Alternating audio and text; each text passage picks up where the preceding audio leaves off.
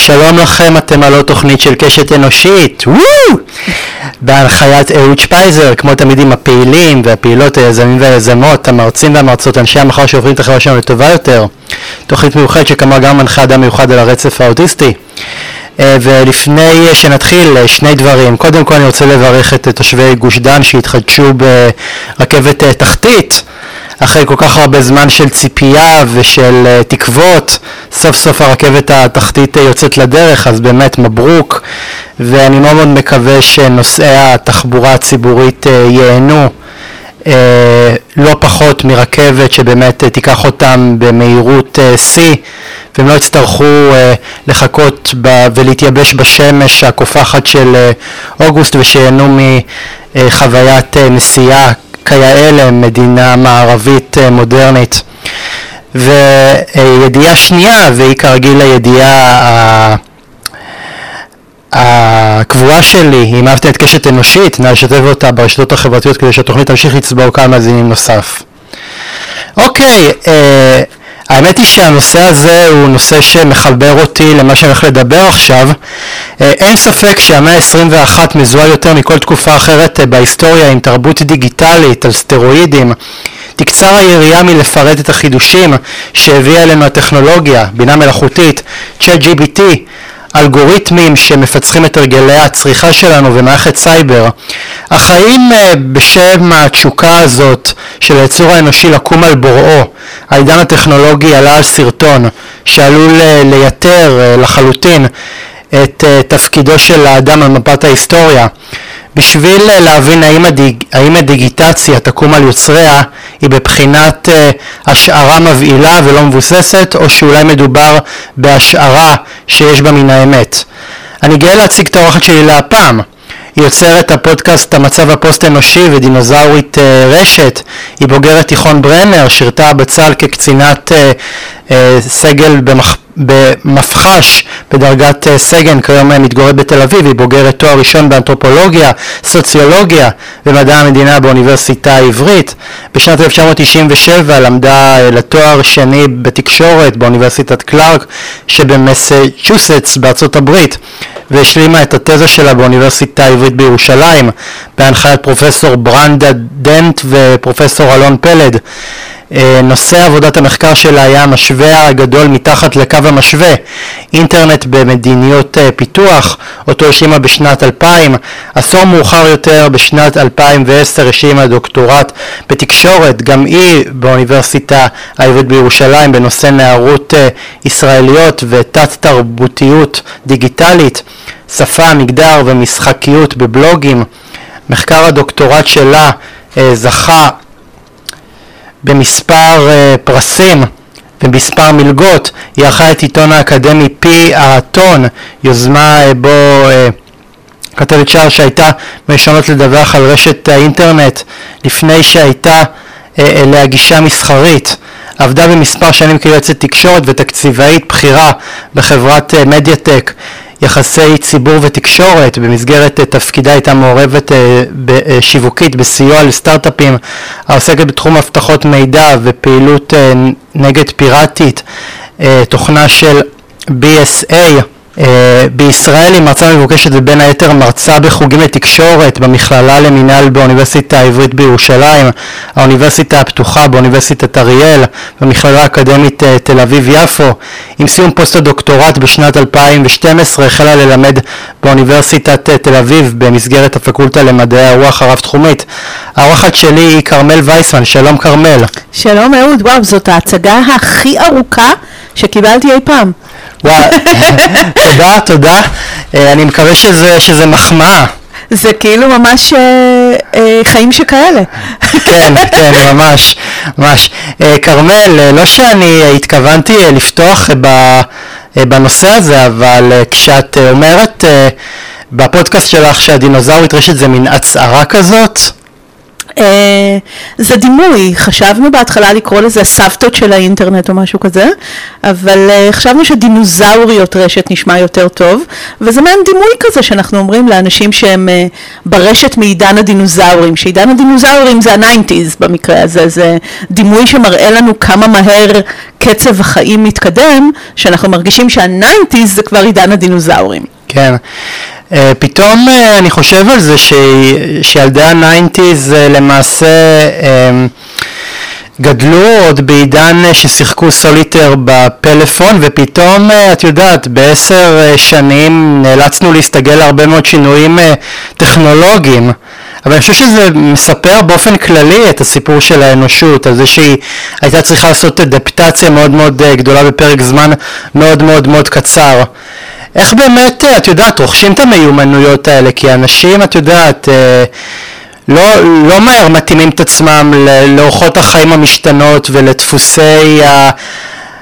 השימוש ב, בתרבות אה, דיגיטלית, אז, אז איך באמת אה, כאילו מחפים על פער כזה, את יודעת, בין, בין אנשים של הדור הקודם לבין אנשי דור, ה, דור המילניום, שכבר גדלו עם, ה, עם היכולות האלה ובאמת נולדו עם, ה, עם השפע הדיגיטלי המאוד מאוד מאוד גדול שהמאה הזאת מציעה להם? זאת שאלה טובה ויש לזה מושג אקדמי שנקרא בעצם אוריינות. אנחנו רגילים שאוריינות, ליטרסי, מתאר מיומנויות של קריאה וכתיבה. וככה זה היה באמת בעבר, אבל בעידן של המדיה במאה ה-21 התחילו בעצם לדבר על אוריינות ברבים, אוריינויות, אפילו שאין מילה כזאת. נכון, באנגלית אם תכתוב literacies בוורד, הוא יתקן אותך. כאילו זאת מילה שהיא שגיאה, אבל זה בכוונה נפתח מתוך מחשבה שאנחנו צריכים היום הרבה הרבה יותר מיומנויות בסיס, מיומנויות יסוד, מלבד קריאה וכתיבה. וחלק ממיומנויות היסוד האלה קשורות בכלל למדיה. ובהתחלה היה איזשהו ניסיון להגדיר אותם, אבל זה נהיה רשימה כל כך גדולה שכל הזמן מוסיפים לה עוד ועוד ועוד מה יסודי היום. זאת אומרת, בשנות התשעים רק גרפיקאים ידעו לחתוך תמונה בפוטושופ. במאה ה-21 כל ילד בן עשר צריך לדעת לעשות קרופ לתמונה, זה כמו קרוא וכתוב, נכון? אז הם ראו שהמיומנויות נערמות, ואי אפשר לומר כל הדברים האלה הם מיומנויות יסוד, במיוחד דברים שפעם היו נחשבים דברים מקצועיים. אז יש כאלה שהציעו שהמיומנות היחידה שאתה צריך במאה ה-21 זה היכולת להסתגל במהירות לטכנולוגיה חדשה. זאת אוריינות, זאת המיומנות שלך. ואז זה לא משנה מאיזה דור אתה. האם אתה יכול להסתגל במהירות לחידוש שמגיע, ושבוע הבא יכול להגיע חידוש חדש, ואתה תלמד לשחק איתו, ו- ואז יש לך איזושהי אוריינות כזאת. אבל אני רוצה להגיד שזה באמת לדעתי לא עניין דורי, ואפילו יש דברים שבהם אה, לדור שלי, דור ה-X, יש יתרון על הדורות הצעירים. בגלל שהם גדלו לתוך טכנולוגיה, הם גדלו לתוך טכנולוגיה פסיבית יותר. הם גדלו לתוך עידן של פלטפורמות. הם יודעים להשתמש. מאוד מאוד בקלות, אבל הם לאו דווקא יודעים בעצם לעשות האקינג או דברים כאלה, זאת אומרת הדור שלנו שגדל בתוך אינטרנט ריק, למד לעשות הרבה דברים, למד אה, פקודות מכונה, למד יוניקס, למד לשחק עם דברים בצורה שונה, ואני חושבת שזה נותן לנו דווקא איזשהו יתרון בלשחק במערכות, ואני רואה הרבה פעמים חבר'ה צעירים, שברגע שמשהו קטן מתקלקל הם לא יודעים מה לעשות, או שהם לא יודעים קצת יותר לעומק להסתדר עם טכנולוגיה קצת יותר מורכבת, אפילו ברמה של רשת חברתית כמו מסטודון, קוד פתוח. היא קצת יותר קשה מבחינת האוריינות שלה, וזה כבר מרתיע את החבר'ה שרגילים לממשקים הנורא נורא קלים האלה של טוויטר ופייסבוק וכולי. אז אני לא בטוחה שזה חיסרון. כן, אנחנו התרגלנו לטכנולוגיה שהיא נורא נורא נורא ידידותית, מאוד מאוד קלה, ופתאום כשמשהו לא, לא עובד לנו באינסטנט אנחנו נכנסים ל... לפאניקה, הדופמין שאמור לזרום למוח נעצר ואנחנו פתאום אה, מאוד מאוד מאוד נלחצים כי באמת הטכנולוגיה היום היא נורא נורא נורא אינסטנט ואנחנו רגילים לכך ש, ש, שאני יודע מה, את מחפשת אה, מתכון לפאי תפוחים, את רושמת אה, שטרודל פאי וכבר, וכבר, וכבר יש לך את הנתונים בראש, אם את לא מקבלת את, ה, את הסיפוק המיידי הזה אז משהו בך משבט למוח מצוקה, זאת אומרת זה לא רק עניין של uh, התאמה דורית, גם המוח לדעתי עשה איזושהי התאמה, כי, כי, כי כשהכל נגיש והכל ב, בהישג יד, אז פתאום כשה, כשהנגישות הזאת נעצרת, פתאום אנחנו אומרים, וואי, אלוהים אדירים, מה, מה, מה נעשה? שזה דרך אגב מזכיר לי את אה, איזושהי ידיעה נורא נורא נורא, בכל זמן אחר הייתי חושב שהיא עיתולית, אבל היא באמת, אה, יש בה משהו קצת עצוב על בן אדם ש... שהטלפון שלו התקלקל והוא ממש נכנס, הוא ממש איבד את שפיות דעתו והוא נכנס מזה לאשפוז. עד כדי, עד, כדי כך, עד כדי כך אנחנו מתייחסים לטכנולוגיה כאל עוד איזשהו איבר בגוף, שאם אנחנו מאבדים אותו אנחנו למעשה מאבדים את, את שלוות הנפש שלנו. אז אני מרגישה שיש לי מזל מהבחינה הזאת, כי אני גדלתי בדור שראה הרבה מאוד שינויים ואז הוא לא הספיק להתרגל לשום דבר, כאילו שזה חלק ממנו. עכשיו אני נולדתי בשנות ה-70 בקומוניזם, ברומניה. היא רגילה לחיות בלי כלום. ואז הטלוויזיה והמחיקון וה, וה, והאינטרנט. לא הייתה, לא הייתה טלוויזיה ב, ברומניה בתקופת הקומוניזם? הייתה, אני חושבת, אני לא בטוחה שהיה לנו. ובטח ראו בה רק דבר אחד, לא, לא היה ערוצים או דברים כן, כאלה, אתה יודע. כן, אה, מה שצ'אוצ'סקו רצה, רצה לשדר לעם הרומני זה מה שראו נראה לי. כן, אני חושבת שבעיקר שמענו רדיו. אז תחשוב כאילו שבאמת אה, עברתי המון המון טכנולוגיות בזמן יחסית קצר. וזה גורם לי גם לשחק עם טכנולוגיה חדשה ולא לחשוש ממנה, אבל גם לא להפוך לתלויה בה. אז אה, כרמל, עד כמה אנחנו קרובים לעידן חדש בהיסטוריה שבו בני אדם יפסידו את מקומם הטבעי כיצורים שמכתיבים את הסדר החברתי בעולם לטובת רובוטים ותוכנות מבוססות טכנולוגיית בינה מלאכותית שיתעלו ביכולותיהן על אלו של האדם? לדעתי, אנחנו ממש לא קרובים לזה. אבל זאת לא בהכרח, זאת אומרת, יש אנשים שיטענו ש, שזה מעבר לפינה, שזה פחות מעשור. אה, ריי קורצווייל העתידן טען שזה הולך לקרות ב-2045 ואחר כך הוא הוריד לנו את זה ל-2038. אני לא מאמינה שזה הולך לקרות. אני תמיד, אה, אני תמיד כאילו תמה אה, בעיניי לגבי עצמי על כל מקצוע העתידנות, כי אתה צריך לחקור משהו שלמעשה לא מתקיים, אתה לא אוסף נתונים ממה שיש לך, כי אתה יודע, הרבה פעמים אה, אה, פרופסורים בשביל באיזשהו מקום להציג איזשהו מחקר שיש לו מעין אחיזה במציאות, הולכים לעבר, הולכים לנתונים, פה אתה באיזשהו מקום משער ספקולציות ואת יודעת ואם, ואם זה קורה הרווחת אם זה לא קורה אז בסדר זה... אז, אז אז הלך הכסף שהאוניברסיטה אה, שלחה לך כדי לממן את המחקר שלך. זה האמת אה, תחום מעניין, אני ראיינתי פעם את אה, דוקטור אהרון האופטמן שמתעסק עם זה והוא אמר לי משהו מעניין שאיזה עתידן התגאה בפניו שהוא מכיר 300 שיטות לחיזוי עתיד. והאופטמן אמר לו תגיד לי אחת טובה זאת אומרת זה עתידן שיודע שהשיטות האלה יש להן מגבלות, לכל השיטות יש מגבלות. אי אפשר באמת לחזות את העתיד. אבל, אה, אבל אני אגיד לך, אחת השיטות והשיטות החביבות עליי זה באמת להסתכל על העבר. כי זה נכון שיש לנו הרבה פעמים אה, שינויים כאלה שהם שינויים פרדיגמטיים, ברבורים שחורים, אבל אין שום דבר שהוא באמת באמת חדש, חדש לגמרי, שאין בו איזשהו יסוד מהעבר.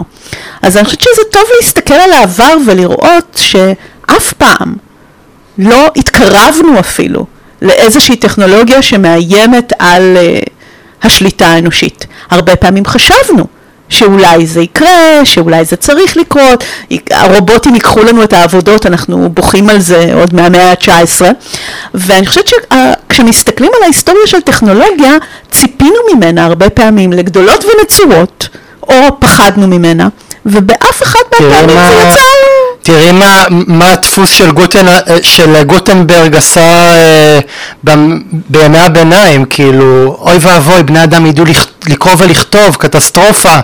כאילו, תמיד, ואני אמרתי את זה גם, אה, גם בשיחה מאוד מאוד מעניינת שהייתה לי עם אמיר גפן, שדיברנו על, בינה, על בינה מלאכותית, תמיד, תמיד, תמיד, תמיד בני אדם יהיו חשדנים להחריד לגבי החידושים האלקטרוניים והגיע הזמן שפשוט נודה בזה שלא נתכחש לזה, נגיד אנחנו מפחדים, מפחדים ממשהו ש, שלא היה קיים בעבר ופתאום נכנס לחיינו ואנחנו לומדים אותו, אז באמת אולי באמת נהפוך את הפחד ל, ל, לסקרנות, ל, ל, לחקירה, להבין מה זה אומר. אז אני אדייק וארחיב את זה, כי זה לא תמיד שאנחנו חשדנים. זה נכון שרוב הפעמים אנחנו חשדנים, אבל לפעמים אנחנו בדיוק להפך, לפעמים אנחנו מתלהבים. ויש באמת תופעה כזאת שעם כל טכנולוגיה חדשה, מגיע שיח כזה של אה, גאולה או חורבן, שטן או מלאך. אז יש גם את הגאולה ואת המלאך, ואם תחשוב על ה nineties, על ראשית ימי האינטרנט, לא היה פחד מהאינטרנט, להפך, הייתה התלהבות מטורפת שהעולם הולך להשתנות, ותהיה לנו חברה חדשה ואוטופית, וכולנו נעבוד מרחוק, ותהיה חברה שוויונית. זאת אומרת, שם הייתה לנו דוגמה דווקא להתלהבות יתר. ואני חושבת שהתופעה שטכנולוגיה מעוררת זה תופעה של הקצנה. או פחד מאוד מאוד קיצוני, או התלהבות מאוד מאוד קיצונית. ושתי הקצוות לא מתקיימות במציאות. עם האינטרנט אפשר לראות, תוך זמן קצר ראינו שלא בדיוק נוצרה חברה חדשה וחברה שוויונית וכלכלה שיתופית וכל מה שהבטיחו לנו. אוקיי. כן, את יודעת, אה, את יודעת, האנושות קיימת יותר זמן מה, מהאינטרנט, ואת יודעת, ויש תהליכים שהם... שהם פרה-היסטוריים אפילו, ופתאום כשנכנסת הטכנולוגיה הזאת היא לא תוכל לנצח שינויים שהם טבועים בנו. הטכנולוגיה היא באמת מרכיב מאוד מאוד חשוב, ויש הרבה אנשים שחושבים שכשהיא משתנה, הכל משתנה איתה. קוראים לזה דטרמיניזם טכנולוגי. ואני חושבת ש... זאת אומרת, היא מרכיב מאוד מאוד חשוב וראשי, הרבה דברים משתנים, יש לה סחף מאוד מאוד גדול, אבל היא לא המרכיב היחיד. ואיפופשהו באמת ה... התודעה האנושית אולי היא הדבר החזק ביותר, והיא לא מתקדמת מספיק. והרבה פעמים אנחנו באמת מיישמים משהו או לא משתנים מספיק בצורה שונה, וגם הטכנולוגיה עצמה היא לא דבר יציב, היא דבר שיכול, רוב הזמן היא מאכזבת אותנו לדעתי. כרמל, למה נדמה שדווקא בתקופה שבה דווקא היצור האנושי היה אמור ליהנות מפרי עמלו, פתאום אנחנו שומעים יותר קולות שקוראים אה, אה, אה, אם לא לעצור לגמרי את ההתפתחות הטכנולוגית אז לפחות להאט את הקצב שלה. אני חושבת שזה מגיע מאותו פחד מאוד מאוד חזק שעוררה כרגע הבינה המלאכותית. בטכנולוגיות קודמות לא ממש שמענו קריאות כאלה, בטח לא מתעשיית הטכנולוגיה. לרוב באמת כל מי שמתעסק בטכנולוגיה האמין שטכנולוגיה הופכת את העולם למקום טוב יותר, דחפו לפיתוח טכנולוגי, ומי שחששו היו ציבורים אחרים. זה העיתונאים מול האנשי חינוך, אולי הציבור הרחב, ראינו את החשש במקומות אחרים, ואני חושבת שלראשונה בעידן של הבינה המלאכותית אנחנו רואים את קהיליית הטכנולוגיה עצמה מתפצלת. לאנשים שחוששים מהדבר החדש הזה, ולאנשים שלא, לאנשים שחושבים שזה יביא אותנו לדבר טוב, ויש יותר אנשים בקהיליית הטכנולוגיה אפשר להיות, אפשר להיות אמצע, כאילו גם... מצד, שני, מצד אחד לחשוש, מצד שני גם לחבק את השינויים האלה? אפשר להיות אמצע, אני חושבת שהרבה אנשים עושים את זה. אני חושבת שאני אמצע במובן הזה שאני חושבת שצריך לחכות, כי התגובה הראשונית שלנו היא תמיד מאוד מאוד קיצונית. בואו נביא את הדבר המדהים הזה שיציל אותנו ויפתור את הרעב העולמי או ווטאבר סם אלטמן אומר לנו, או אם מלא תוך שנייה אה, GPT יחליף את אה, כל העובדים. לא זה ולא זה. חושבת שצריך לחכות טיפה ואנחנו נראה מה הפעם יקרה איפשהו באמצע, מה כן ישתנה, מה ישתנה קצת, מה ישתנה הרבה, איך הדברים יערכו מחדש סביב הדבר הזה, ואני לא חושבת שיהיו שינויים קיצוניים, כי אף פעם אין באמת שינויים קיצוניים, יש שינויים הדרגתיים, גם הדפוס, ש... שדיברת עליו קודם, עשה שינויים הדרגתיים במשך מאות שנים. אז אולי עכשיו הקצב טיפה יותר מהיר, אבל עדיין לא מחר מפטרים את כולם ו-GPT עובר. גם אני חושב שזה לא, זה לא התפתח באופן פרופורציונלי, יש מדינות uh, שבהן האוכלוסייה היא, היא יודעת קרוא ולכתוב, ויש קהילות שבהן uh, עדיין uh, חלק מאוד גדול מהאוכלוסייה היא אנאלפביתית. אז את יודעת, אז הכל אה, הוא צריך אה, לשים אותו על סקאלה של, אה, של יחסיות. נכון, אני חושבת שמי שעושה צעד יותר מדי גדול קדימה כי הוא חושב להקדים את המגמות, הוא גם זה שנופל ואנחנו מתגלחים עליו. היה לפני חודש סיפור ממש ממש מעניין שהוא בעיניי הדוגמה לדבר הזה. אה, בארצות הברית יש אה, איזשהו איגוד לטיפול בהפרעות אכילה, שהפעיל קו חם לאנשים שיש להם הפרעות אכילה, והם מתקשרים לקו חם, ובקו חם הזה עבדו עובדים שקיבלו תשלום וגם מתנדבים. העובדים שקיבלו תשלום התאגדו, כי הם חשבו שהתשלום לא, מס, לא מספק. והחברה אמרה, אוקיי, אתם יודעים מה? התשלום לא מספק, אני, אנחנו מפטרים עכשיו את כולם, כולל המתנדבים, שלחו את כולם הביתה, ושמו סוג של צ'אט GPT כזה, שעונה לטלפונים.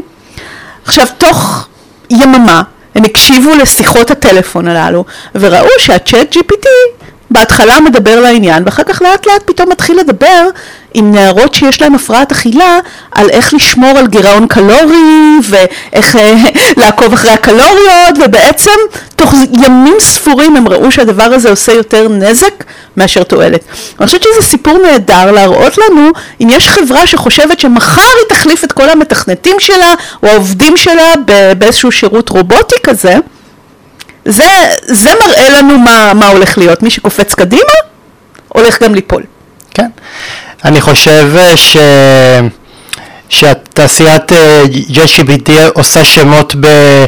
בהוליווד, כי עכשיו הרבה מאוד תסריטאים חוששים שזה יחליף אותם, ולא רק תסריטאים, הרבה מאוד uh, סופרים והרבה מאוד אנשי, uh, אנשים שמתפרנסים מה, מהמחשבות שלהם, מפחדים שזה, שזה יחליף אותם. אבל את יודעת, נראה לי שזה גם מסר טוב לכל אותם חוששים, גם קצת להרגיע, קצת להרגיע אותם, והם אומרים שלא, שלא כל כך מהר, לא, לא כל כך מהר יעשו את השינויים האלה. תראה, צריך לחשוב פה גם על הקהלים. יש שימוש בתעשיית הבידור, גם בעיתונות, כן? יש שימוש בבינה מלאכותית, זה לא חדש. אבל השימוש הזה לא יכול להחליף לחלוטין את כל המספרי סיפורים, הכותבים, השחקנים האנושיים, כי בסופו של דבר זה גם ייצור איזשהו סוג של תוכן כזה שאני לא בטוחה שאנחנו נרצה לצרוך אותו.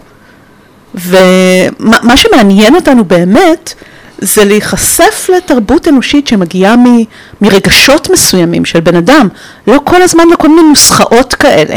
אם התוכן יהיה מאוד מאוד רדוד, אז גם הקהל יכול להיות will pull back, ואחרי כמה זמן כזה, גם הוליווד תחזור ותחפש את האנשים שיש להם איזה משהו אנושי מיוחד אחר לומר מכל הנוסחות בינה מלאכותית האלה. זאת אומרת, אני לא חושבת שבשום תעשייה היא תהיה פה, תתקיים תזת החלפה אה, קיצונית, ושוב, כי אנחנו מסתכלים על העבר, ואנחנו רואים ששום דבר לא הוחלף. אם תחשוב אפילו על הדבר היחיד אולי שמחשבים עושים הכי טוב, יותר טוב מבני אדם, וזה מתמטיקה. אף אדם לא יכול להתחרות עם מחשבים ברמת ומורכבות ומהירות המתמטיקה. והאם חוסלה, אה, חוסלו מתמטיקאים? לא לומדים מתמטיקה באוניברסיטה? אין מתמטיקאים? אתה מבין? כאילו, כן. אפילו זה. אז כל הדברים האחרים שבהם עדיין כל כך צריך השלמה של בני אדם, וזה עולם שלנו ועבורנו, שאנחנו רוצים לפגוש בהם אנשים אחרים ולשמוע את עצמנו ולפגוש רגש של אדם אחר, פשוט אין סיכוי. אם, אם את המתמטיקאים לא החליפו, אף אחד לא יוחלף. אז אה, כרמל, מהו המנגנון אה, שהניע מאז ומתמיד את בני האדם לברוא יש מאין, ולמעשה לשכלל בכל תקופה בהיסטוריה עוד קצת את יכולותיו ולעלות ברמת החדשנות שלו על פני אה, צורות חיים שונות בטבע? אתה בעצם שואל אותי מה זה אומר להיות אנושי. מה זה אנושי.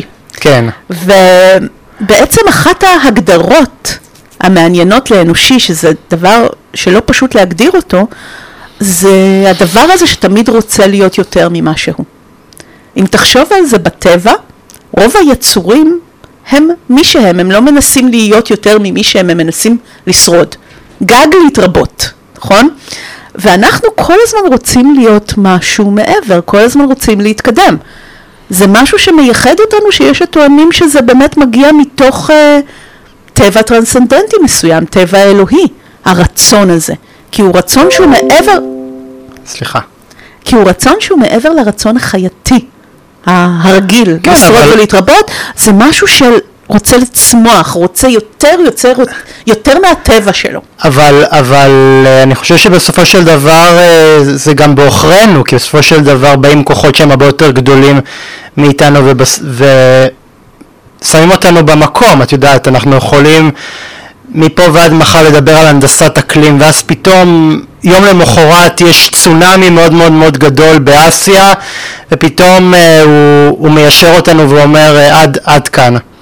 ו, ואני חושב שגם uh, ב, בסיפור המקראי יש, יש דוגמה מאוד מאוד מאוד יפה עם הסיפור של מגדל בבל, ש, שה, שיש שם את הסיפור ש, שאנשים בבבל בנו מגדל מאוד גבוה כי הם רצו להיות אפילו יותר נשגבים מהאל ואז האל כעונש אה, בלל את, אה, את שפתם. זאת אומרת אז, אז יש איזשהו גם עונש ש, שבני אדם משלמים על הרצון הזה להיות uh, מעב, uh, כאילו לס, להפוך את, ה, את היוצרות ולהפוך את הטבע ובאיזשהו מקום uh, להתערב ב, ב, ביצירה האלוהית, הטבעית.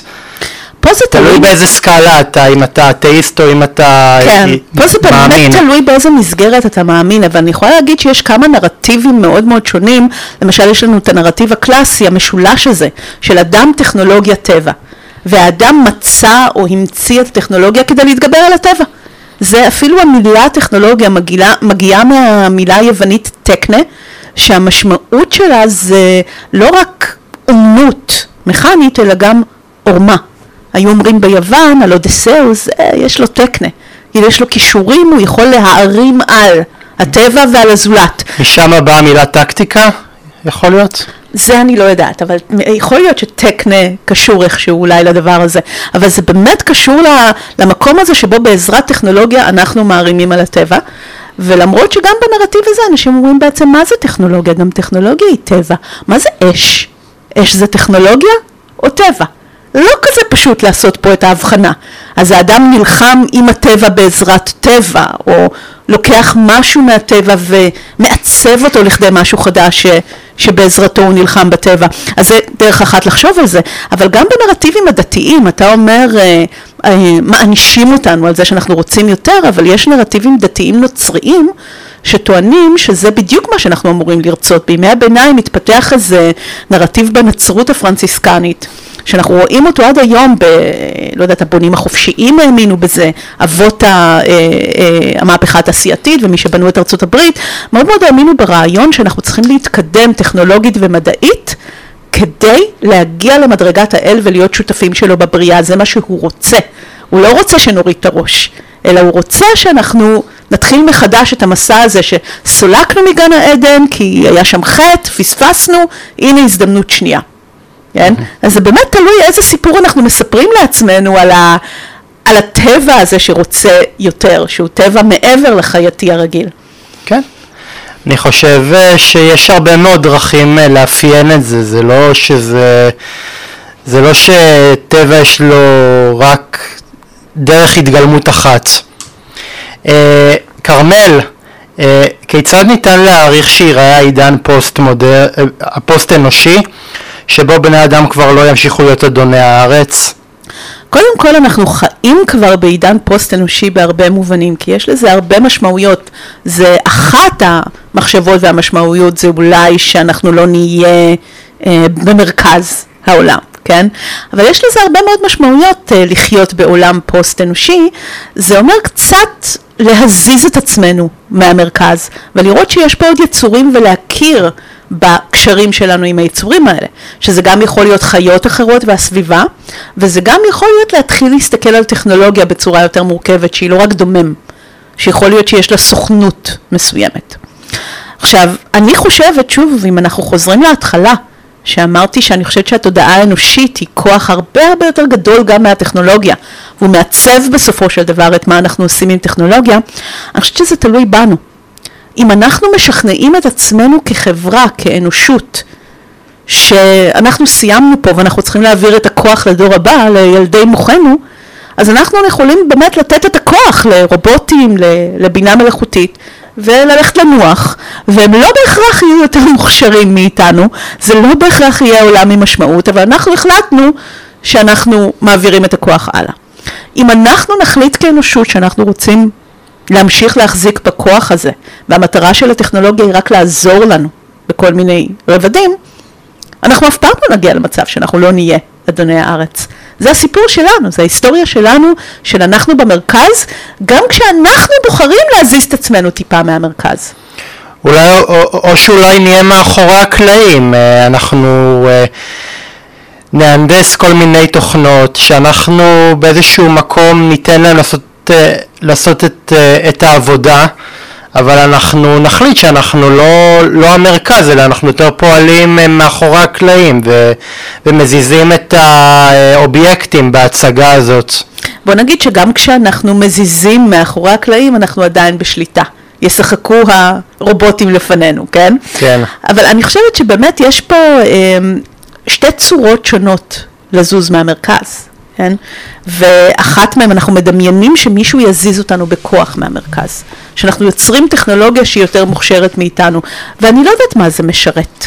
למה אנשים כל כך פוחדים מהדבר הזה ומדמיינים את זה, ומצד שני, הם בעצמם יוצרים את זה, זה לא שנולדת באיזשהו מקום איזה בינה מלאכותית חכמה. אף אחד לא שואל למה אנחנו יוצרים טכנולוגיה שאנחנו מתים מפחד ממנה? זה נורא מעניין הדבר הזה, הדרייב הזה, נכון? זאת אומרת, אילון מאסק אומר אוי ואבוי בינה מלאכותית, ומצד שני יוצר חברות בינה מלאכותית. מה זה השיגעון הזה? למה אנשים עושים את הדבר הזה? זה, זה נורא נורא מעניין, כן? זאת אומרת, זה, אנחנו רואים שיש פה תודעה אנושית דוחפת, אמונה אנושית דוחפת מאחורי הדבר הזה. אנשים כמו אילון מאסק מאמינים שזה בלתי נמנע. ולכן עדיף שהם יעשו את זה, מאשר שמישהו אחר יעשה את זה. אבל אני אומרת לך, אם אף אחד לא יעשה את זה, זה לא יקרה. מה זה בלתי נמנע? מה יבואו חייזרים ו- ויעשו פה. רובוטים? אנחנו לא נעשה, זה לא יקרה. נורא פשוט. אה, כרמל, מאיזה שלב uh, בהיסטוריה ניתן להעריך שהאדם עלה על הנתיב uh, שבו אנחנו נמצאים היום? שבו אנחנו צרכנים כפייתיים של טכנולוגיה ושואפים בכל יום להשתבח וליצור עוד שכלולים? מההתחלה הייתי אומרת. אם דיברנו קודם על הגדרות של אנושי, אז אחת המחשבות היום זה שבעצם המין האנושי מתקיים אך ורק בעזרת טכנולוגיה, בגלל טכנולוגיה, שטכנולוגיה זה חלק מלהיות אנושי. שבעצם היה לנו מוטציה של קוף, שככה התחלנו את הדרך, שאין שום הבדל בינינו לבין קופים אחרים, אולי איזה קוף שיזדקף, אולי איזה קוף שירד מהעצים, סבבה, עדיין קוף, ויש כל מיני קופים. אבל ברגע שהקוף הזה תפס אבן, והתחיל להשחיז אותה לחנית, והתחיל להשתמש בכלים, או מצא איך להדליק אש, גילה את האש והתחיל להשתמש באש, הקוף הזה הופך להיות האדם, האנושי, נכון? אז בעצם המפגש שלנו עם הטכנולוגיה הוא זה שמגדיר אותנו מלכתחילה כבני אדם מהרגע הראשון.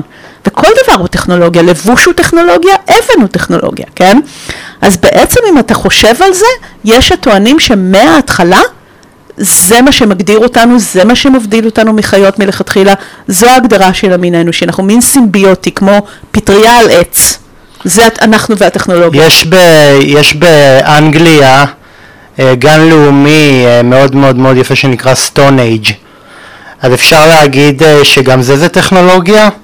כי מישהו גילף את זה, כן? מישהו גילף את זה בצורות מאוד מאוד מסוימות, גם למטרה מסוימת שאנחנו לא לגמרי יודעים אותה, זאת מטרה מסתורית, היא קשורה לריטואלים דתיים או לאסטרונומיה או אלוהים יודע מה, אבל ברגע שבאמת לקחנו משהו מהטבע וארגנו אותו למטרה מסוימת שאנחנו משתמשים בה, אז זו טכנולוגיה. אז אה, זאת אומרת אה, ש... אז זאת אומרת כאן דבר מאוד מאוד מאוד מעניין, שלמעשה אפילו בתקופת האבן, כבר אז התחילו השינויים הטכנולוגיים של הימים, את יודעת, יעברו איזושהי אבולוציה לקראת מה שאנחנו רואים היום. עם ג'ט GPT ובינה מלאכותית.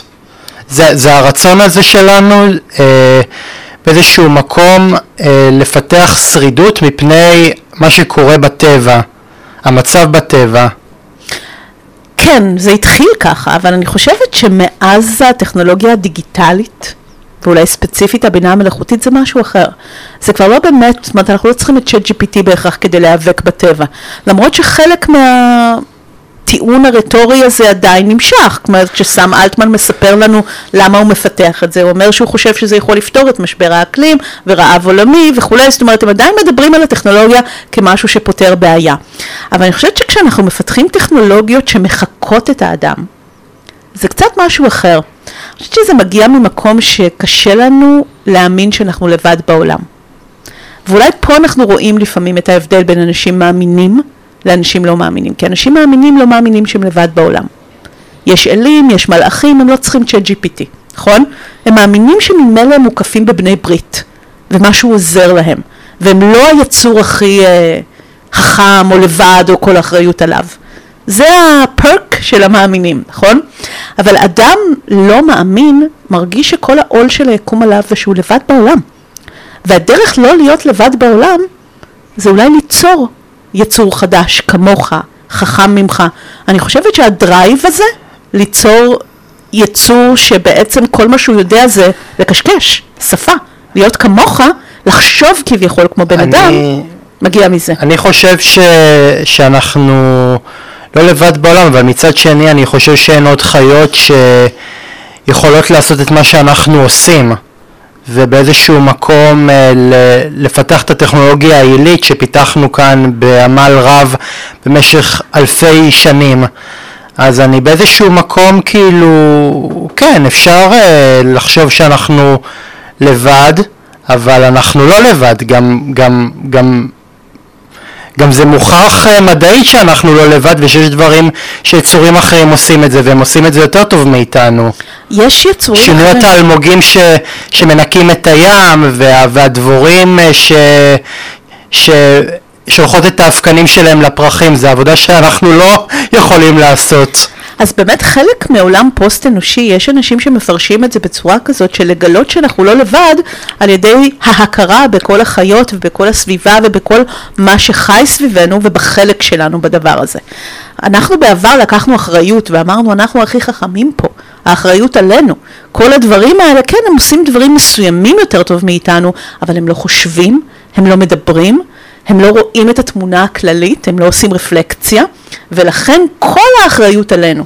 ולכן אתה מבין שאנחנו צריכים ליצור איזושהי טכנולוגיה מלאכותית שגם תחשוב, שגם תדבר, שגם תוכל לראות את התמונה הכללית ואולי אפילו לחשב יותר טוב מאיתנו מה צריך לעשות, ואז כל האחריות עליה.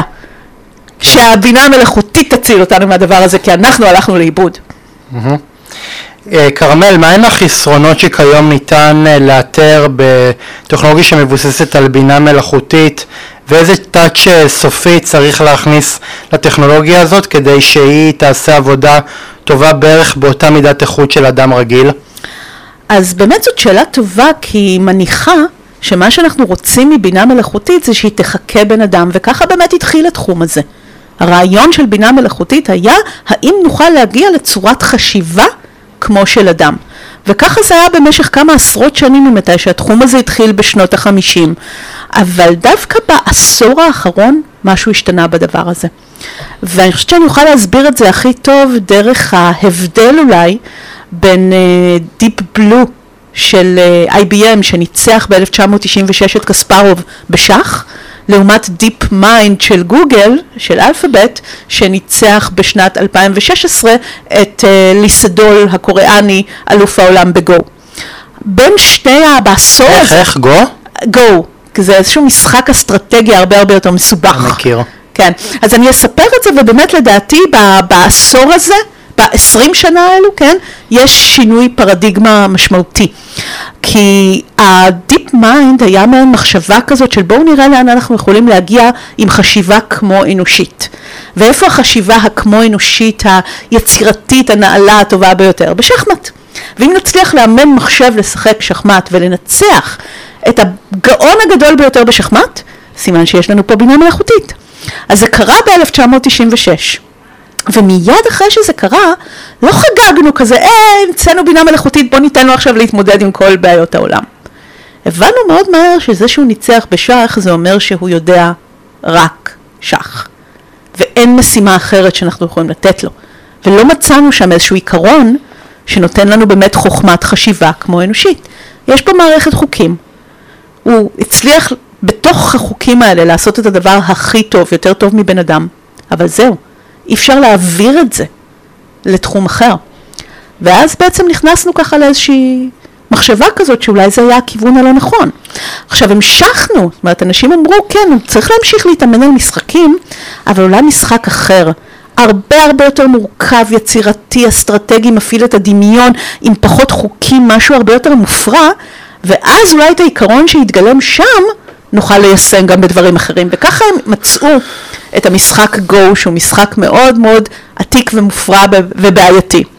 וב-2016 בעצם כשדיפ Mind אה, ניצח את, אה, אה, את אלוף העולם בגו, היה שם משהו שהוא עשה שהיה מהלך חייזרי הם קראו לו, כן? משהו פתאום השתנה בשיח. לא אמרו יותר הבינה המלאכותית חושבת כמו בן אדם או יותר טוב מבן אדם, אבל עדיין על אותו scale, עדיין על אותו מדד. פתאום הבנו שהדרך שהמחשב הזה ניצח היא דרך לא אנושית, היא דרך חשיבה כל כך שונה שאף בן אדם לא היה משחק ככה את המשחק. המשחק השתנה לחלוטין אחרי הדבר הזה. אני אתן דוגמה, זאת אומרת זה משחק שבו המחשבה האנושית הייתה זה שככל שאני שולטת ביותר טריטוריה אז אני אנצח. אבל המחשב קלט שזה אולי בכלל לא הפרדיגמה, אני צריכה לנצח רק בנקודה אחת יותר, אני לא חייבת לשלוט בטריטוריה. והוא שיחק מופרע, הוא שיחק בצורה אחרת שהיה נראה שהוא הולך להפסיד, הוא עושה דברים מפגרים, אבל פתאום הוא ניצח בנקודה אחת, וזה כל מה שהוא היה צריך. וזה שינה לחלוטין את המחשבה על המשחק, שזה משחק של שליטה בטריטוריה. והצורת חשיבה הזאת, מאז 2016 אנחנו מדברים על בינה מלאכותית בצורה שונה. אנחנו אומרים זה לא חיקוי של החשיבה האנושית, זה משהו אחר. זה סוג חשיבה שונה, חייזרי הם קראו לו, כן? עכשיו, הצורת חשיבה הזאת היא אולי צורת חשיבה של איך עובד הרציונל שלנו כשהוא מנותק מהרגשות ומדברים אחרים שעושים אותנו אנושיים. הרי הוצאנו באמת רק את הרציונל, הוצאנו אותו החוצה וניסינו לייצר חשיבה רציונלית טהורה. וחשיבה רציונלית טהורה, שהיא לא מאוזנת על ידי דברים נוספים כמו שיש בתוך גוף של אדם, יוצא משהו חייזרי, מסתבר. ועכשיו אנחנו צריכים להסתדר עם החייזר הזה. עכשיו לחייזר הזה אני לא הייתי נותנת לנהל את העניינים האנושיים במלואם. כי בני אדם הם לא רק רציונל והם לא בהכרח רציונליים, והם לא בהכרח רוצים לחיות בעולם שמתקתק רציונלית בלבד. יש דברים נוספים להתחשב בהם. צורת החשיבה הזרה הזאת יכולה להיות לא טובה לבני אדם, ולא היינו נותנים לבינה מלאכותית לקבל את כל ההחלטות עבורנו. צריך ללמוד איך אנחנו משתפים פעולה עם צורת החשיבה הזאת, איפה היא עוזרת לנו, איפה אנחנו מאזנים אותה, זה משהו שתמיד נצטרך להמשיך לעבוד איתו בסימביוזה, דווקא בגלל שגילינו שזה לא משהו שעובד איתנו על אותו scale. אז אם היינו ממשיכים עם הסיפור הזה של הנה בוא ננסה לעשות משהו כמו בן אדם, מתישהו יהיה יותר טוב מבן אדם. את יודעת, אני, אני, אני, את מדברת ואני מריץ לעצמי איזשהו תסריט בראש ש, שבן אדם מתווכח ומקלל אה, אה, מכשיר שהונדס אה, בשיטת אה, בינה מלאכותית ועכשיו המכשיר הזה מכיר את כל אוצר המילים של הבן אדם ואז כאילו אה, נוצרת איזושהי התפתחות של שיח מאוד מאוד מאוד מעניינת ואז היא, ואז היא נעצרת כשהבן אדם מבין שהאוצר מילים של הטכנולוגיה הזאת היא מאוד מאוד מאוד מוגבלת והיא לא יכולה להגיע לעושר השפתי הרחב שיש לנו בני האדם. תראה, יכול להיות שהיא יכולה ללמוד את העושר השפתי הזה, אבל היא לא מבינה אותו. היא לא באמת מבינה את הפונקציה של הדברים, כי אין לה את הדרייב הביולוגי הזה של רצונות ושנאות ואהבות ודחפים. הוא לא, זאת אומרת, הטכנולוגיה הזאת יודעת לחקות הרבה דברים שהיא ראתה. זה הכל. אבל כל סיטואציה אותנטית שבה אני באמת מתלהבת ממשהו, באמת שונאת משהו, או אני, אני באה לפה עם אינטרס מסוים, כן? כי אני רוצה לקדם משהו, להשיג משהו, שם זה, זה משהו נעצר, שלא יהיה. זה נעצר. זה משהו שהוא ביולוגי בלבד. כן. אפשר לחקות את זה ממש ממש טוב, אבל אין את הדרייב הזה בשום מקום. כן. אה, כרמל, uh, בואי נדבר רגע על סוגיה שהרבה אנשים מזהים אותה כפחד של המאה ה-21, ואובדן הפרטיות.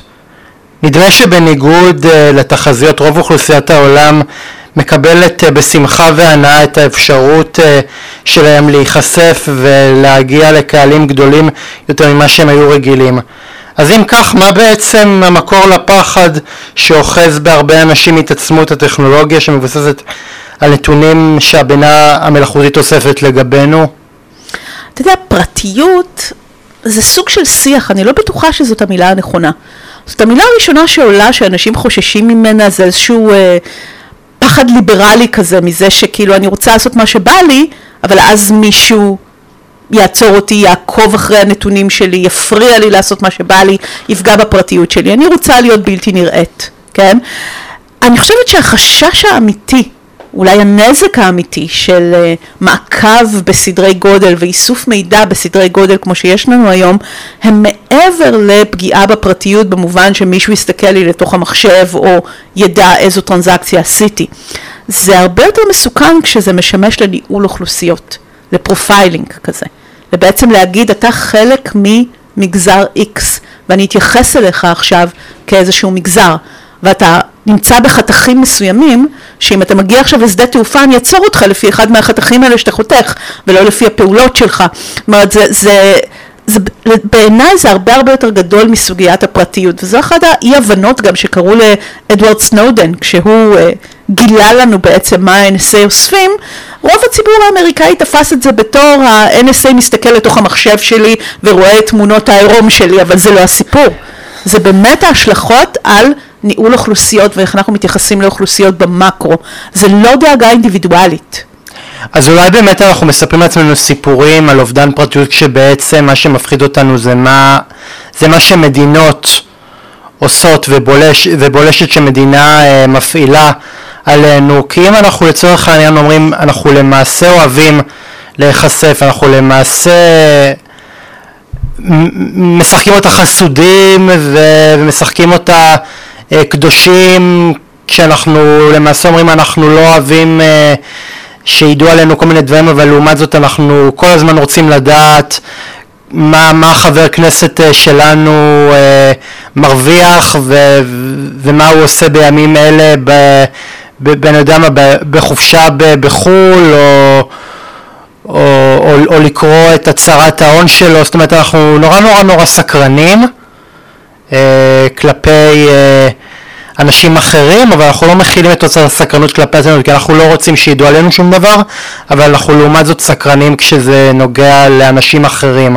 אני לא בטוחה שאני לא רוצה שלא ידעו עלינו שום דבר, אתה יודע, אני אסביר את זה אולי דרך הדימוי אה, של האח הגדול. נכון? הדימוי של הסיפור הזה של האח הגדול, ביג בראדר, כן. מגיע מהסיפור של אורוול, מהספר, מהסרט, מ-1948, של 1984, ובעצם אנחנו הולכים עם הדימוי הזה הרבה מאוד זמן, שכל המאה ה-20 חששנו שטכנולוגיות ירגלו אחרינו, שמישהו יסתכל כל הזמן ויתפוס אותנו ויגיד לנו אל תעשה את זה, תעשה את זה, וישלוט בנו בצורה מאוד מאוד ישירה. משם מגיע הפחד. כשבאמת פותחו במאה ה-21 טכנולוגיות, אפילו הרבה הרבה יותר גרועות ופולשניות ממה שאורוול דמיין, מה שנעשה איתם זה לא מה שהוא הבטיח לנו. אף אחד לא הסתכל עלינו מהמחשב אישית ואמר לנו, היי, אהוד, תפסיק לקסוס ציפורניים. אף אחד לא עשה את זה, נכון? אז מזה פחדנו. וברגע שזה לא קרה, לא היו לזה השלכות. אז הפסקנו לפחד, ממה אתה יכול לפחד? אז אומרים לך, כן, מרגלים אחריך, אבל מי שמרגל אחריך זה לא בן אדם, אף אחד לא בא ואומר לך ישירות מה לעשות. אוספים הרבה נתונים, ותאורטית אף אחד לא ייגע בהם. אף אחד לא ייגע בהם. אתה לא, לא באמת יודע איך ישתמשו בהם. אתה אומר, אתה מניח שאם יום אחד תעשה משהו לא בסדר, אולי זה יקפוץ באיזשהו מקום, ואז מגיע לך. אבל אחרת, עין אדם לא תשזוף את הדברים הללו. זה באמת קורה בביג דאטה וכולי, ואף אחד לא משתמש בזה כדי לשלוט בך ישירות. יותר מזה, אורל הציג לנו תמונת מצב שבה ממשלה ממציאה כזו טכנולוגיה ושולטת בך, אבל מה שקרה בפועל זה שמי שיצר את הטכנולוגיות האלה זה חברות מסחריות. אז ממה יש לפחד? המקסימום שיעשה שימוש בדבר הזה זה שימכרו לך יותר פרסומות, משהו כזה. אז אנשים באמת הפסיקו לפחד מהדימוי הכי מפחיד שליווה אותנו במאה ה-20. והנה אנחנו רואים מה זה אח גדול היום לדור החדש שנולד, הוא בכלל לא חושב על האח הגדול של אורוול, הוא חושב על האח הגדול של הטלוויזיה. הוא חושב על הפרנצ'ייז הגדול הזה שבו מוכרים לנו באמת את הסיפור של בוא תהיה אתה אח גדול, בוא נסתכל לתוך בית, בוא אנחנו נעקוב אחרי אנשים ומה הם עושים ביומיום שלהם כי זה מגניב, זה מגניב להיות האח הגדול. אנחנו הפסקנו לפחד ממנו, אנחנו רוצים להיות הוא, ואנחנו גם רוצים שהוא יסתכל עלינו, כי אנחנו רוצים להיות מפורסמים, אנחנו מבקשים להיכנס לתוך הבית הזה, ואם לא הצלחנו להיכנס לתוך הבית הזה בטלוויזיה, אז אנחנו נחשוף את החיים שלנו בטיק טוק, נכון? כן. זאת אומרת, זה ממש משהו השתנה לחלוטין. באופן שבו אנחנו תופסים את הרצון שלנו לפרטיות שהניחו בעבר, שאנחנו רוצים אותו, אני לא בטוחה שאנחנו רוצים אותו כבר ברמה הזו. זאת אומרת, אם, אם פעם אהבנו אה, באיזשהו מקום אה, לעטות עלינו כל מיני גלימות וכל מיני אה, עוד ועוד ועוד ועוד אה, פריטי לבוש כדי להסתיר את עצמנו מהעין השוזה, השוטפת של הציבור, פתאום זה נהיה מגניב אה, להתפשט ו, ולהתערטל אה, ב, ב, בפומבי. זה אפילו הפוך על הפוך, תחשוב על זה שהיום בעצם כשאתה ברשת כמו פייסבוק או אינסטגרם שהאלגוריתם שולט שם ובעצם שולט לך בחשיפה. אנשים רק רוצים להיחשף, אפילו לחברים שלהם, למעט האנשים שהם בחרו, הם נלחמים על להיראות. זאת אומרת, האח הגדול שעוקב ומנהל את הכל היום, מעניש אותך באי נראות, לא בנראות הזאת של אני רואה אותך. הבעיה האמיתית זה אי נראות, אני לא נראית לחברים שלי אפילו, הם לא רואים את העדכונים שלי, אני נלחמת להיראות. המלחמה שלנו היא הפוכה, היא לא על פרטיות, היא על נראות. זאת אומרת, הרגילו אותנו לחלוטין בכלל לא לחשוב פרטיות. ו- ואם אני נגיד שואל אותך ברמה האישית, לא, לא כ... כי אני יודע מה, כחוקרת, אלא באופן אישי כ- ככרמל, החשיפה הזאתי, אה, את אוהבת אותה או שאת, או, ש, או שאת אומרת אני רוצה להיות אנונימית? אני בטח לא רוצה להיות אנונימית. אני אה, לא הייתי שבע שנים ברשתות חברתיות, והרגשתי כאילו שאני לא, לא בחיים, אני לא על הפלנטה. הרבה קשרים נותקו גם עם אנשים שישבו לי על הוואטסאפ, אבל הם לא, הם רגילים לראות את העדכונים שלך ברשת, וכשאתה לא שם אתה לא קיים. זאת אומרת, יש משהו בחיים היום שאתה צריך מדי פעם לצייץ שם כדי לחיות. כתיבה היא נשימה באיזשהו מקום, כן? אתה נושם בתוך העולם הזה ואתה אומר, הנה אני, אני בחיים. יש משהו מאוד מאוד מאוד בעייתי ב... בלא להיות הזה, שאני חושבת שאולי רק אנשים מדורות מאוחרים יותר מסתדרים בלי להיות בשום רשת. אבל נגיד עכשיו לצורך העניין, אתה רואה שחבר שלך הכי טוב נפטר, ופתאום אתה, אתה, אתה נכנס ואתה רואה את, את חשבון. הפייסבוק שלו פתוח ו, ועדיין אה, זה, זה, זה נורא נורא נורא מטעה כי מצד אחד הבן אדם מת הוא לא יכול לענות לך להודעות, הוא לא יכול לענות לך לוואטסאפים, מצד שני אתה, הוא עדיין חבר שלך בפייסבוק, זה כזה באיזשהו מקום יוצר מין איזושהי דיסוננס שכאילו אתה עדיין מקיים איתו תקשורת למרות שהוא לא בחיים. האמת היא שזה נושא שיכול לפתוח לנו שיחה שלמה, אז אני אנסה לענות עליו בקצרה, אבל באמת העידן הדיגיטלי הפריד בין הגוף למידע. כן. בין הגוף לשיח. ואז אפשר למות מוות ביולוגי, אבל לא למות מוות אה, לשוני, מידעי. ובעצם המידע עדיין קיים, אנשים יכולים להמשיך לעדכן את הפרופיל הזה, קהילות יכולות להיווצר, קהילות זיכרון סביב הדבר הזה, ואנחנו מגיעים גם לעידן שבו אלגוריתם בינה מלאכותית יכול להנפיש את הזיכרונות האלה וגם אולי ליצור שיח חדש על בסיס זה, כי אנחנו רואים הולוגרמות למשל, אם אנחנו מדברים על טכנולוגיה מתקדמת יותר, של זמרים מתים שממשיכות להופיע. אולי, אולי, אולי בעוד כמה שנים אה, זה יהיה, זה יהיה אפשרי לעשות סיאנס ולתקשר עם מתים. Uh, לפחות לתקשר עם צ'אט GPT שמחקה את המתים, את זה כבר אפשר. כן.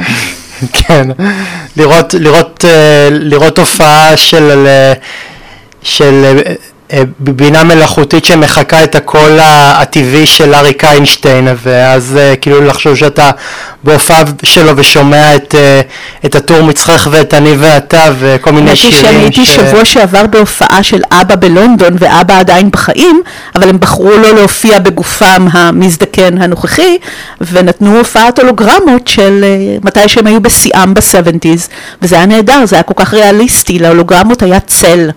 וממש הרגשנו שאנחנו בהופעה, שזה לא חיקוי של שום דבר. ואני חושבת שאנחנו צריכים להתרגל למקום הזה שבו ה, אה, הישויות הדיגיטליות יחיו חיים מלאים בינינו בכל מיני צורות, בגלל שהרבה מהחיים שלנו הם לא, הם כבר לא ב... מאה אחוז כל החושים פנים אל פנים, גוף לגוף. הרבה הרבה מהחיים שלנו הם באשליות אופטיות שכאלה, מאיזשהו מרחק בטוח מסלבריטאים וגם מהחברים שלנו לפעמים, כן? הרבה הרבה מהקשר הוא דיגיטלי, ולכן הרבה מזה יכול להישאר כשהקשר הפיזי מתנתק. כרמל, לקראת אה, סיום, לאילו תפקידים חדשים בני אדם יצטרכו להתאים את עצמם בעידן הפוסט-אנושי שאליו אה, אנחנו צועדים בצעדי ענק? אז כמו שהתחלנו בהתחלה לגבי עתידנות, אמרנו הנבואה ניתנה לשוטים, קשה מאוד לתת פה משהו עתידני. סליחה. קשה מאוד לתת פה איזושהי תחזית עתידנית, אנחנו רואים גם מהעבר שכמעט כל עשור אנשים עבדו בעבודות שלא היו קיימות עשור לפני כן וקשה לדמיין אותם ואני מאמינה שגם בעוד עשור יהיו לנו עבודות כאלה, אבל נראה לי שזה יהיה עבודות לצד בינה מלאכותית. עם בינה מלאכותית, ללמוד את שיתוף הפעולה הזה. ואני חושבת שאם הייתי צריכה להמליץ היום לאנשים מה ללמוד, נכון, לפני עשור המליצו לכולם ללמוד תכנות, ועכשיו אומרים שכל המתכנתים יוחלפו, נכון, זה מצחיק. אני חושבת שהדבר שצריך ללמוד היום זה מדעי הרוח. מדעי הרוח. הדברים שהם ייחודיים לבני אדם, ההיסטוריה האנושית, צורת החשיבה הביקורתית, צורת החשיבה הלא רציונלית, מי אנחנו, מה אנחנו, מה היתרון שלנו, מה אנחנו מביאים לצלחת. את כל הדברים האלה שבינה מלאכותית באמת לא בהכרח יכולה לחכות, ואז אנחנו באמת נוכל לעבוד איתה בשיתוף פעולה מתוך המקום שלנו.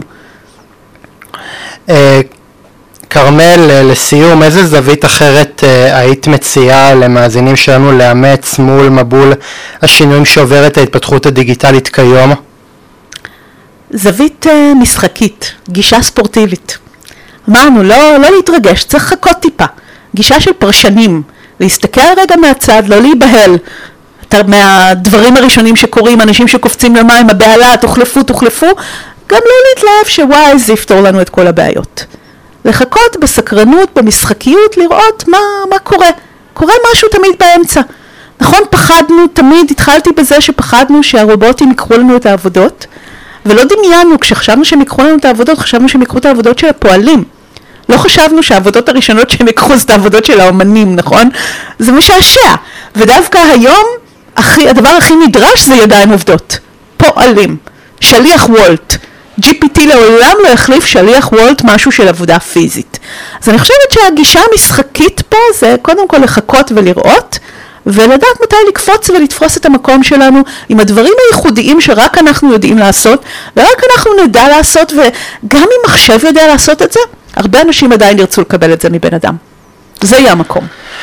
כרמל, זה היה לי באמת באמת באמת לעונג, ובאמת חברים, השד לא נורא כל כך, עידן פוסט אנושי לא בהכרח עידן כל כך מפחיד כמו שנדמה לכם, תפסיקו לאכול סרטים, או במקרה שלנו סרטי מדע בדיוני. אה, כרמל תודה רבה ותודה רבה לכם קהל מאזינים יקר אתם הייתם על קשת אנושית אני הייתי אהוד שפייזר אם גם אתם רוצים לקחת חלק בתוכנית שלי נצרו איתי קשר מספר הטלפון שלי אה, הוא 050-353-1729, כמו כן ניתן גם לפנות אליי במייל. תודה רבה, אה, שבוע טוב ולהתראות. תודה רבה.